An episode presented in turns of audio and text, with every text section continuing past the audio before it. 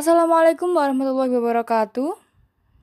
Kembali lagi bersama saya, penyiar terkece, termantap jiwa, terpade, teruwu, ter ter ter ter ter ter ter ter Siapa lagi kalau bukan Sukma Jenny di queertable.idn. Oke, di queertable.idn ini aku mau apa yuk? Aku mau sharing-sharing tentang pengalaman aku menjadi moderator. Bentar-bentar, aku cari bukunya lupa. Aku catat kok kemarin apa aja yang mau aku ngomongin sama kalian. Mana ya bukunya ini? Aduh, lupa aku naruhnya perasaan di meja belajar. Oh, ini ini ketemu. Ya.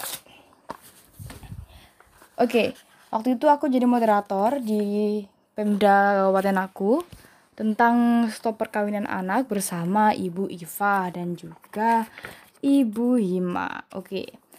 Ibu Iva dan Ibu Hima ini adalah uh, kalau Ibu Iva sendiri, beliau telah mendapatkan anugerah Gender Champion dari Presiden Joko Widodo sedangkan Ibu Hima adalah salah seorang dosen di Fakultas Psikologi Universitas Muhammadiyah Gresik. Oke.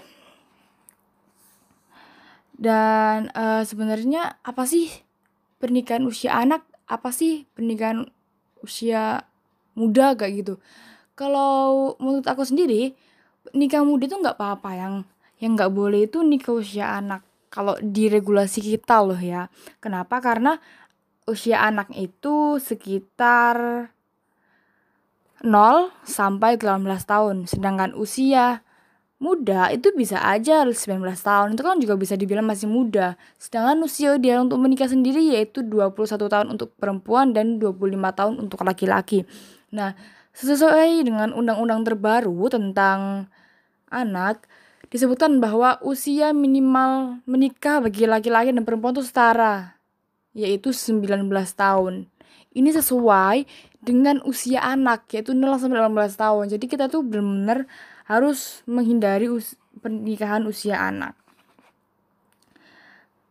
Pada UU tersebut merupakan hadiah terakhir dari Mama Yu. Siapa itu Mama Yu? Mama Yu adalah salah satu menteri pada kabinet kerja yang Mama Yo ini uh, sebenarnya adalah seorang jenius dari Papua. Beliau berangkat ke kabinet dengan non partai. Sungguh mama yang luar biasa berdedikasi untuk 10 tahun di Indonesia ini.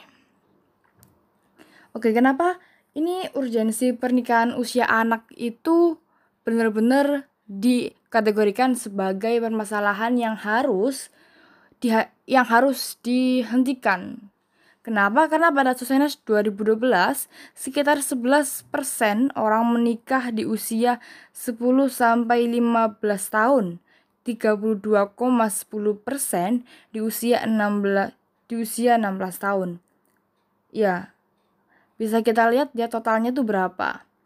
Nah, sebenarnya penyebab untuk perkawinan usia anak itu apa aja sih? yang sepertinya yang pertama yaitu kemiskinan. Nah, pada saat diskusi tersebut, kemiskinan diceritakan sebagai suatu masalah yang dihadapi oleh seorang anak. Nah, ini anaknya ini di film yang ditayangkan adalah seorang anak dari keluarga tidak mampu lalu untuk membayar hutang kepada salah seorang rentenir, dia menikahkan anaknya untuk melunasi hutang-hutang tersebut. Nah, itu merupakan salah satu penyebab dari uh, sekian banyak faktor dalam pernikahan usia anak. Terus uh, ada juga kehamilan tidak diinginkan. Kalian tahu nggak sih? Uh, pernah nonton nggak sih namanya film Dua Garis Biru? Dua Garis Biru yang diperankan oleh yang di situ ada Dara, Dara CGT48. Nah, di situ Dara tuh cerita ke kita semua kalau kayak gini. Eh gue tuh uh, capek banget tau gak sih maranin sebagai cewek yang nikah di usia SMA udah uh, udah hamil abis itu ngelahir ngelahirin. Ini padahal cuma acting acting aja di depan kamera. Cuma memerankan sebagai anak tersebut. Tapi ini tuh bener-bener bikin gue cewek banget. Lah sebenarnya kalau kita pikir nih teman-teman. Kalau kita analisa darah sendiri saja capek. Bagaimana dengan orang yang mengalami hal tersebut? Orang yang benar-benar mengalami. Yang acting aja capek apalagi yang beneran. Kita bisa bayangin di usia yang belum matang uh, manusia manusia manusia. Bukan manusia maksudnya kayak ya manusia sih. Apa ya? Anak-anak diberikan beban untuk merawat anak. Jadi anak gendong anak anak hamil anak kayak gitu. Itu merupakan suatu hal yang harus kita hindari dulu. Kita siapkan dulu generasi kita menuju generasi yang berpendidikan. Karena apa? Karena kesetaraan gender di Indonesia itu uh, masih kurang kayak gitu kayak misalnya gini ya udah deh aku kan perempuan ya ya udah. Perempuan apa sih tugasnya? 3M masak. Terus mana? Eh mana? Eh nggak boleh astagfirullahaladzim. Maksudnya tuh yang nggak sekasar ini gitu bahasanya ya. Astagfirullahaladzim maaf maaf maaf maaf banget teman-teman kalau ada bahasa bahasa kasar bahasa Jawa ya. Masa maca mana gitu. Ada yang pernah bilang kaku kayak gitu soalnya dulu tuh Terus ada juga di bagian pendidikan, renanya pendidikan di Indonesia bagi kaum wanita. Terus ada juga uh, hukum adat. Kenapa? Kenapa adat? Karena Kenapa adat? Tadi ada ada gangguan. ada gangguan teman-teman. Kenapa hukum adat? Karena uh, beberapa daerah di Indonesia itu me memberlakukan bahasanya memberlakukan hukum ketika anak itu sudah menstruasi maka anak itu harus disegarkan menikah untuk menghindari hal-hal yang tidak diinginkan. Nah, kalau misalnya kita lihat bahwa hukum huk, status hukum ada di Indonesia merupakan hukum yang diakui.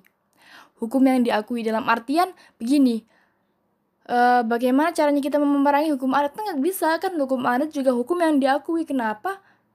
Ya, tapi jawabannya seperti ini. Kan sudah ada aturan atau undang-undang tentang bagaimana anak itu boleh men, usia, ideal menikah. Maksudnya usia minimal anak untuk menikah yaitu 19 tahun. Ketika sudah ada undang-undang seperti itu, maka hukum adat itu kalah sama undang-undang. Kenapa? Karena undang-undang itu posisinya lebih tinggi daripada hukum adat itu sendiri, teman-teman. Terus ada juga kata Bu Ima itu kebingungan identitas itu merupakan salah satu faktor di mana anak-anak remaja itu sekarang masih kayak coba-coba kayak gitu. Ya kayak gitulah kayak coba-coba. Terus masih sebenarnya rasanya tuh kayak gimana sih kalau melawan hal hal yang mengacu pada pernikahan usia anak? Seperti itu. Itu tadi kita udah bahas tentang penyebab ya. Sekarang uh, kita ke SDGs Kenapa pernikahan usia anak ini harus dihentikan di Indonesia? Karena ini mendukung upaya dalam poin-poin yang terkandung di SDGs 2030 atau Sustainable Development Goals 2030 Point 5 yaitu gender equality. Kita benar-benar harus memperjuangkan kesetaraan gender kita perempuan dan laki-laki harus saling berkolaborasi bukan saling mengalahkan atau saling merendahkan atau saling ada yang posisi lebih tinggi ada yang posisi lebih rendah. Nggak ada kita semua itu uh, sama-sama saling berkolaborasi. Terus teman-teman pernah nggak sih kalau mendengarkan RKUHP pasal 496 yang berbunyi perlindungan hanya diberikan untuk anak yang belum menikah dan berkelakuan baik. Teman-teman setuju nggak sih sama RKUHP ini? Setuju apa enggak? Sebenarnya aku sangat tertarik sih membahas RKUHP ini di session yang benar-benar khusus untuk khusus untuk RKUHP pasal 496 ini. Tapi di sini sedikit aku singgung ya. Kalau menurut aku sih setuju nggak setuju sih ya. Setujunya nggak setuju kenapa? Pertama kita bahas nggak setuju ya dulu. Karena begini, Sekitar 25% anak di Indonesia ini menikah di usia anak. Ketika mereka diberlakukan RKUHP ini disahkan menjadi RK, menjadi KUHP maksud saya itu justru takutnya anak-anak yang menikah di usia anak, anak-anak yang tidak berkelakuan baik akan menjadi objek dari kriminalisasi karena apa? Karena pelaku kriminal akan berte bertedeng dengan RKUHP ini RKUHP pasal 49 ini 496 ini dia nggak akan dihukum karena si anak ini misalnya dia melakukan tindakan pelecehan seksual terhadap anak yang sudah menikah di usia anak, maka si pelaku tidak akan dihukum. Karena apa? Karena si anak yang menikah di usia anak ini telah dicabut status hak-hak anak yaitu hak perlindungannya. Di mana kalau kita tahu hak anak itu ada apa sih? Ada empat itu ada hak hidup, hak tumbuh kembang, hak perlindungan, hak dan, dan hak partisipasi. Kalau misalnya hak perlindungan ini dicabut pada diri setiap anak, maka apakah anak itu akan menjadi objek uh, kriminalisasi atau objek kekerasan yang lain? Sexual harassment. Nah, kalau poin setujunya di mana, Jen? Poin setujunya itu di uh, ketika kita membaca hukum, kita nggak bisa tuh teman-teman.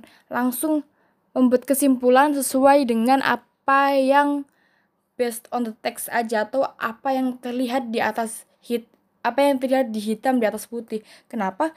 Karena ya emang kalau meninjang meni, men, meninjang ini terlalu serius ini. Maksudnya tuh maksud aku kalau meninjau hukum itu kita nggak bisa lihat based on the text. Aduh kok bulat sih maksud aku tuh cuman gini loh kalau kita meninjau hukum kan baleni kan baleni itu ngulangin uh, gini kalau kita melihat hukum itu nggak bisa langsung based on the text tapi kita harus lihat dulu lex superiornya dan apa apa atau instrumen atau alat kelengkapan yang lain juga. Terus uh, sebenarnya kan kemarin dari kemarin kita bahas terus tuh ya tentang kesetaraan gender tentang catcalling sekarang tentang stop pernikahan usia anak. Ya dan inilah quotable. Quotable itu seperti bahan diskusi antara penyiar dan pendengar. Jadi kita ini saling diskusi saling belajar saling uh, bagaimana itu menyikapi sesuatu saling ya saling saling berbagi konten aja sih kalau menurut aku quotable ini kita karena di Quotable tuh nggak ada one man show. Penyiar dan pendengar kita sama-sama saling berkolaborasi. Dan mungkin kalau misalnya ada konten-konten yang pengen dibahas di Quotable atau kritik dan saran tentang konten yang ada di Quotable tentang teknik atau tentang isi bisa langsung DM di IG ku at underscore. Oke? Okay? sekian dulu ya untuk materi diskusi kali ini. Langsung kupas aja ya nggak usah revisi-revisi males gue. Gue. Oke okay. thank you for your attention and wassalamualaikum warahmatullahi wabarakatuh. See you